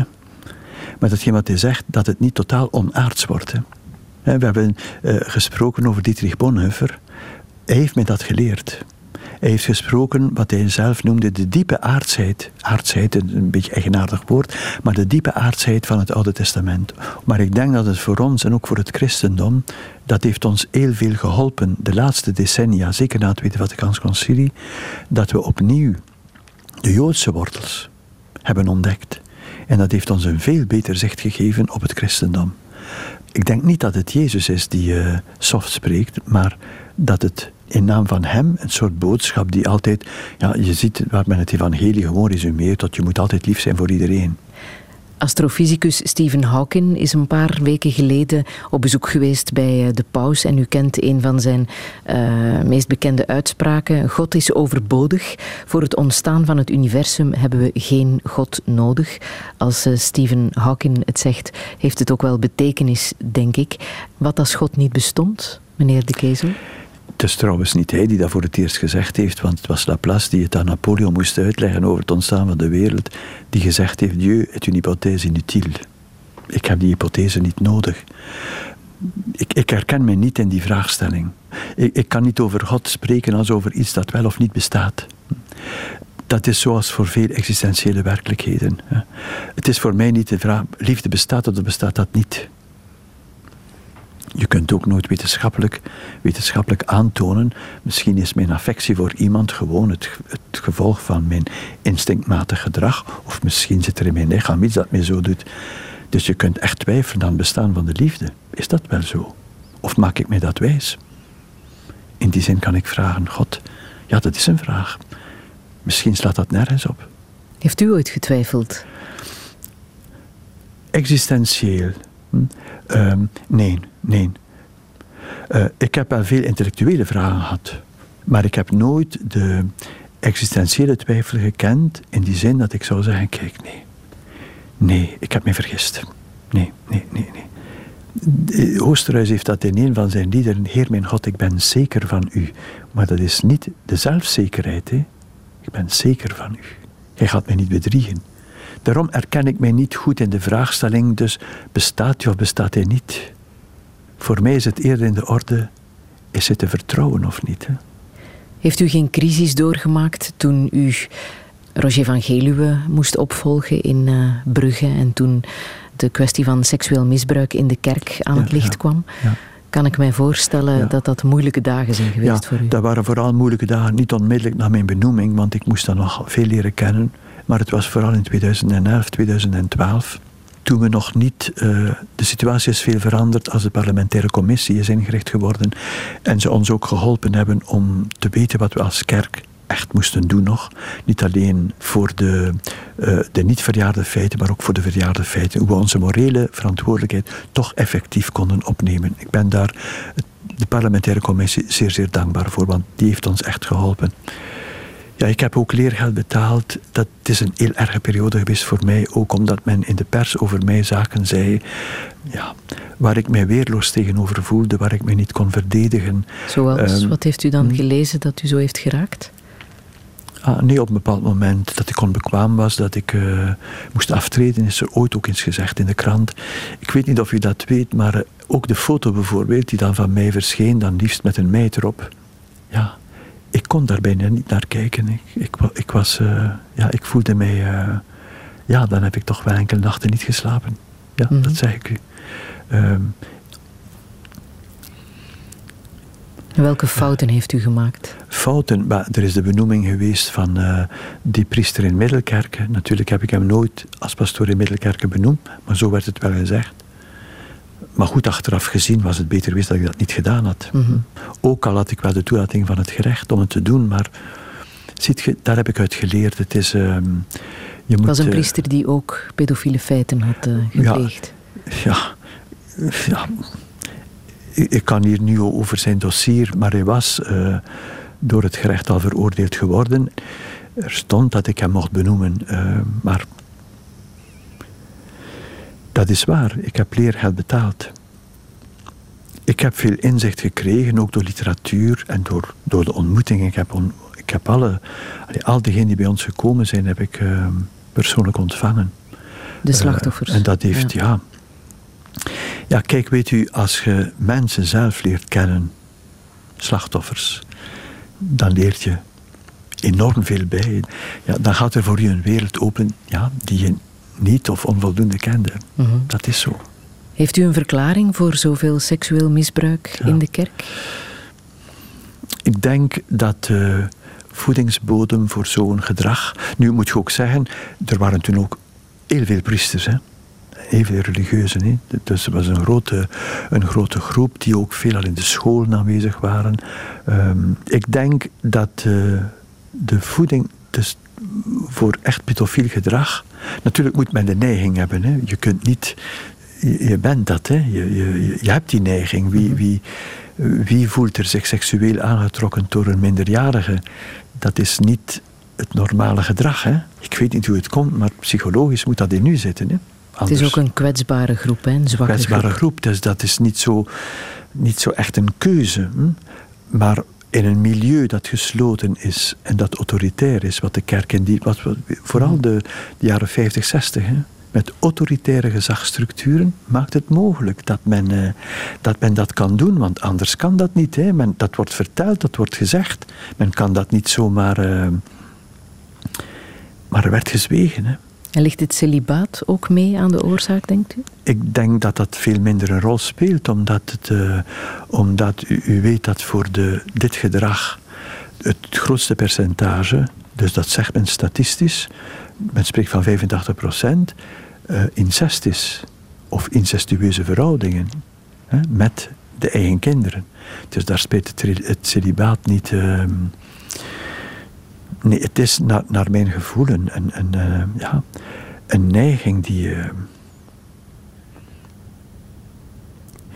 het kan natuurlijk he, dat iemand uh, totaal door, door het celibaat en, en niet verwerkt, totaal gefrustreerd is. Maar dan, dan nog zie ik geen verklaring waarom het met minderjarigen zou zijn. Dat, Op welke manier zou u zelf de kerk willen moderniseren? Er zijn een heel aantal binnenkerkelijke zaken die, uh, die op tafel liggen. Maar voor mij persoonlijk, ikzelf, hè, denk niet allereerst spontaan aan datgene waaraan we ons zouden kunnen aanpassen aan de moderne cultuur. Het celibaat afschaffen bestaat, bijvoorbeeld. Zou u daartoe bereid zijn? Ja, ik heb dat ook al, al gezegd. Ik denk dat onze kerk zich ernstig moet de vraag stellen naar uh, het wijden van uh, goede mensen, dat is de traditie in de kerk. Het gaat er niet om dat men zegt, kijk, je kunt, dus dat, dat, dat je mag trouwen, de priester.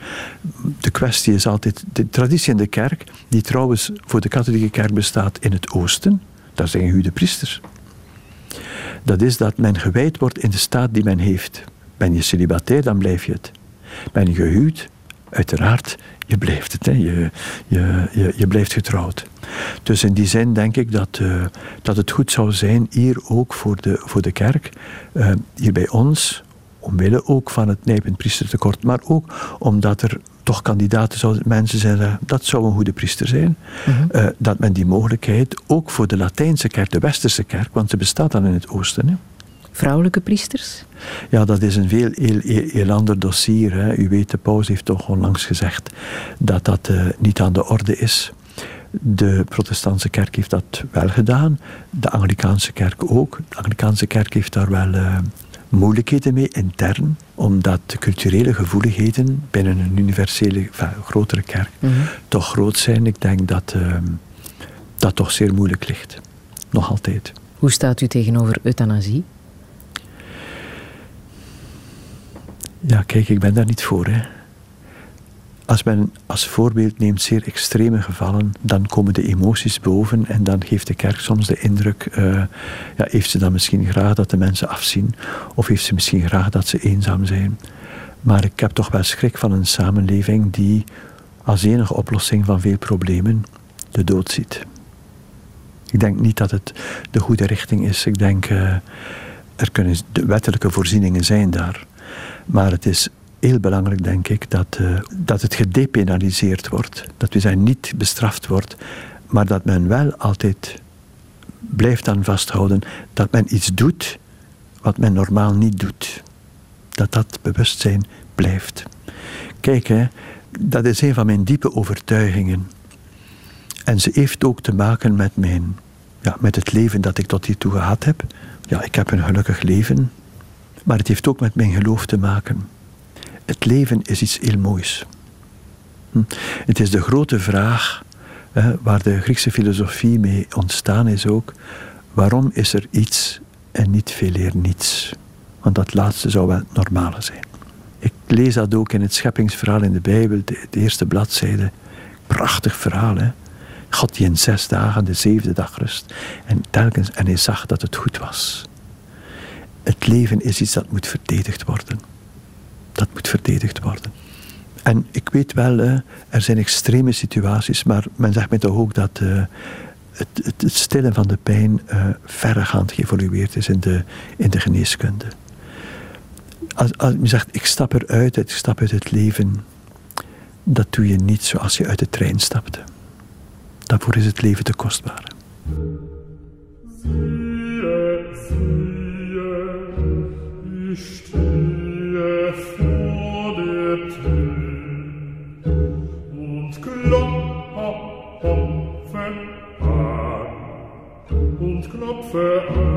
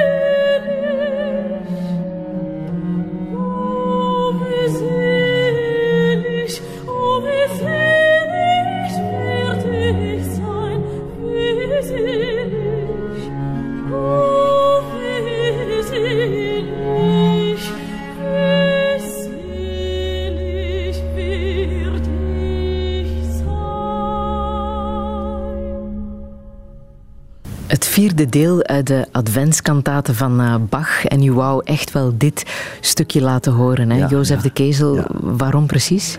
Ja, ten eerste, het is een mooie kantate en ik beluister ze alleen maar in deze dagen. Dat is eigenaardig, maar sommige muziekstukken zijn aan een bepaalde tijd gebonden. Je gaat ook de Matthäuspassie niet beluisteren in volle zomer. Mhm, dat in hoort bij Dat Pasen. hoort bij, ja, dit- bij die week. En ook deze kantate. Ieder jaar, van het begin van advent, is ze daar weer. Hè. Ik ben daar zeer aan gehecht. Maar vooral aan deze passage, omdat de tekst die de, de, de bas hier zingt, eh, het is Jezus, hè, het, is, het, is, hij die spreekt, is een tekst uit het boek van de Apocalyps. Dus het laatste Bijbelboek van het Nieuw Testament. Het is een, een tekst die mij bijzonder dierbaar is. En ik citeer hem nu. Hè. Ik sta aan de deur en ik klop. En als je mijn stem hoort en de deur open doet, zal ik binnenkomen en ik zal maaltijd met u houden en jij met mij. Maar wat ik zo mooi vind is, hij zegt, ik sta aan de deur en ik klop. Ik klop dus. Je zou het ook in de deur open doen. Hè? Dat doet hij niet. En dan zegt hij nog, en als je mijn stem hoort, is mogelijk dat ik ze niet hoor, en de deur open doet, dat is nog een stap verder, dan zal ik binnenkomen. En ik zie daarin een beeld van, uh, van God zelf, ja, die. Uh, ik heb al verschillende keren gezegd dat het zo belangrijk is dat men respect heeft voor de ander. In die tekst blijkt, God heeft respect. Ook respect voor degene die de deur niet open doet. Ook respect voor degene die niet hoort dat hij klopt. Want het is niet zo eenvoudig om dat te horen. Hè. Dat is helemaal niet evident. Hè. Ik ga ook niet zeggen, hoe komt dat toch iemand dat iemand niet gelovig is? Ja, ja dat kan natuurlijk. Zegt dit ook veel over de geloofscrisis die de kerk nu doormaakt? Ja, ja, ja. En ik denk dat ze dat moet, uh, ja, dat, dat, dat ons dat helpt om dat te verstaan. Want geloven is niet zo vanzelfsprekend. Ik heb het ooit eens gelezen bij Emmanuel Levinas, uh, de Joodse filosoof. Dat dat de grootheid is van God. Dat hij een mens heeft geschapen, een wezen heeft geschapen, dat hem ook kan ontkennen. Volgend jaar wordt u er 70, hè? Ja. Wat zou u echt nog willen in het leven? Ja, ik heb geen, uh, ja, geen alle grote verwachtingen meer. Ik heb ongeveer, ja, ja, niet alleen alles wat ik wens, maar ik heb dat allemaal niet gewenst. Maar wat ik nu zou echt, wat ik verlang, dat is dat mijn vijf jaren hier, hè, want in 75 moet ik naar de paus schrijven om uh, mijn ontslag aan te bieden. En hopelijk krijgen. Hm. Als uh, aartsbisschop, Als aartsbisschop, ja. Ja, ja, Dat die jaren die nu nog voor mij liggen, laten we nu zeggen zes jaar, dat ze echt vruchtbaar mogen zijn. Dat mm. ik uh, mijn steentje mag bijdragen. Ik zeg niet dat ik grootse plannen heb, maar mijn steentje mag bijdragen. Vooral wat voor mij uh, het grootste is voor de kerk vandaag, dat ze wat, uh, ja, wat het vertrouwen opnieuw kan vinden en krijgen. En hoe gaat Want, u dat doen? ja, ik ga dat doen door. door uh, niet door spectaculair. Ik heb niet, tenzij dat ik voor, voor uh, grote projecten nog zou staan, dat kan, ik, dat kan ik nu niet overzien, maar door zo goed mogelijk mijn, mijn taak te vervullen. En hoe is dat dan? Uh, zo begripsvol, concreet? zo menselijk -hmm. mogelijk. Uh, mensen leren kennen, mensen motiveren. En ook naar de buitenwereld.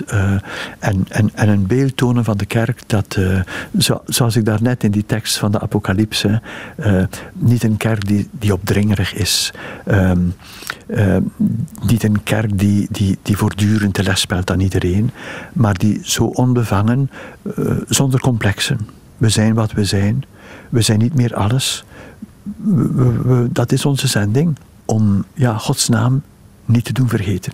Maar ik, ik, ik, ik wil vooral dat, dat, ja, dat degenen die christen zijn, die gelovig zijn, dat ze geloof mogen verdiepen. En degenen die het niet zijn, dat er toch ook toe vertrouwen, wat respect is ook voor onze overtuiging. En dat men niet voortdurend de indruk zou geven dat ja, degenen die nog christen zijn vandaag in onze samenleving, dat zijn er die, uh, die nog niet mee zijn. Kardinaal bent u voor het leven, dacht ik. Hè? Ja, ja. En tot uw tachtigste kan u ook mee ja. kiezen wie ja, de nieuwe paus wordt. Zou u dat nog willen meemaken? Ja, ik riskeer dat hè, mee te maken. Want deze paus is 80. Ik denk dat toch wel. Ja, de paus is nog een goede gezondheid, maar ja, is 80 jaar geworden. Dus uh, als ik zelf nog blijf leven natuurlijk. Hè, als er mij niets overkomt, dat is iets... Daar heb ik direct aan gedacht als ik kardinaal benoemd werd. En hoe gaat u proberen als kardinaal, als rechtstreekse raadgever van de paus, mee dat ja, nieuwe beleid voor de kerk uh, te sturen? Hoe gaat u dat doen?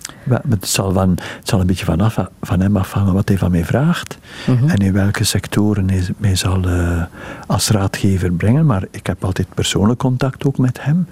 Ik wil hem ook zelf steunen in datgene wat hij doet. Hè? Mm -hmm. Want uh, binnen kerkelijk is er ja, soms ook wel wat reactie tegen hem. Hm?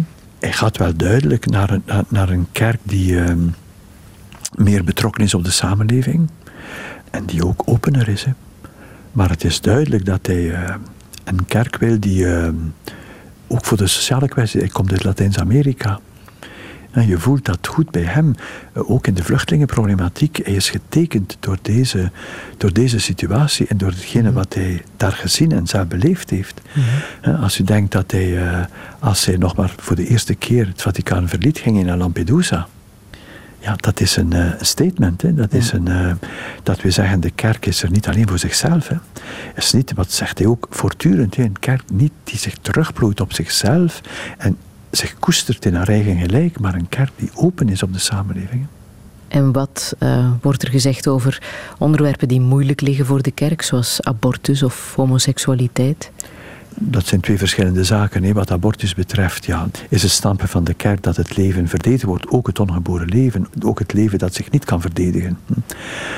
Homoseksualiteit is een, is een andere problematiek. Ik denk dat de paus al goede tekenen, ik ben daar zeer gelukkig mee, van een groot respect voor homoseksuele mensen. Wat, mij ten diepste drijft, dat is dat we naar een samenleving moeten gaan waar wij elkander respecteren, ook in ons anders zijn, ook voor de geaardheid. Een diep respect voor elkaar. En niet alleen om als een soort tolerante houding. Ja, je moet wel samenleven, hè. Maar vanuit het bewustzijn dat we samen deze samenleving eh, opbouwen. En dat juist dat een grote waarde is dat te kunnen doen in respect voor de vrijheid en de eigenheid van de ander. Dat is ja, een stap vooruit in de beschaving.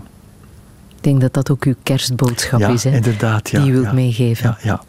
In het kerstverhaal staat er eh, dat er voor hen, voor Maria en Jozef, geen plaats was in de herberg. Dat geldt voor armen. Armoede is een groot probleem ook in onze westerse samenleving. Want men spreekt gemakkelijk over vooruitgang enzovoort, maar het aantal dat daar niet van profiteert, is enorm groot op wereldschaal. Dat is bij de paus, zegt dat toch dikwijls, dat voelt dat, is de armoede uiteindelijk ook voor andere politieke kwesties, ook voor, ehm, ook voor sociale kwesties, ook voor de terrorisme enzovoort. Armoede is een, ehm, is een gevaarlijke bron van, ehm, van alles wat niet goed is. Hè. Wat doet u om gezond te blijven? Ah, ik, ik heb niet veel, ik sport niet. Maar wat ik wel doe, dat, die- dat heeft men mij gezegd, dat is heel belangrijk. Ik eh, regelmatig, en dat is als ik kan, s'avonds, een eh, wandeling. Ja, in de stad hier, ja. Dat is goedkoop, hè. ik hoef geen, geen, geen nieuw pak te kopen, ik moet geen speciale schoenen aandoen. Ik, moet, eh, ik doe nu gewoon de jas aan, goede sjerp, de pet op en dan sta ik een half uur, drie kwartier. En ze kennen u hier ondertussen Ah, in Mechelen. Die mij kennen, die zeggen soms goeiedag. Wel, ja, dan zeg ik Ja. goeiedag terug, goedenavond. Ja. Ja, ik heb, eh, ja, anders heb ik geen beweging. En dat is niet goed. En de dokters hebben mij gezegd eh, dat dat nog beter is dan fietsen. Ik heb nog Pio Jezu uit het eh, Requiem van Gabriel Fauré. Waarom wilt u dit nog laten horen, tot Ja, slot? Omdat het, het requiem van Gabriel Fauré is op zich al enorm mooi. Dat is vreugde en verdriet samen. Dat is... oh. Daarom denk ik dat de ervaring van schoonheid eh, zeer belangrijk is voor de mens. Ook heilzaam. Hè? Eh, een wereld zonder kunst is een... ehm, dat ziet je als je de gevangenis bezoekt. In de gevangenis is er niets meer wat het leven enigszins mooi zou kunnen maken.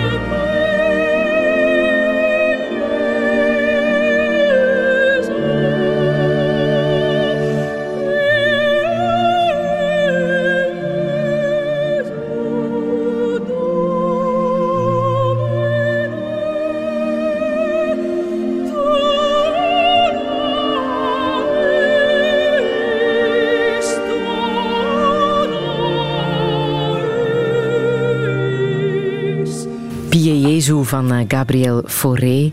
Jozef de Kezel, ik wil u hartelijk danken voor uh, dit gesprek hier in het uh, Bisschoppelijk Paleis in Mechelen. En uiteraard ook een heel warme kerst toewensen. alle info over dit gesprek is zo meteen terug te vinden op onze website radio1.be. Daar kan u ook herbeluisteren. Touché is er volgend jaar terug vanaf 8 januari met de Vlaams bouwmeester Leo van Broek. Een heel fijne kerst, meneer Van Dank u wel, en ook voor u. Radio 1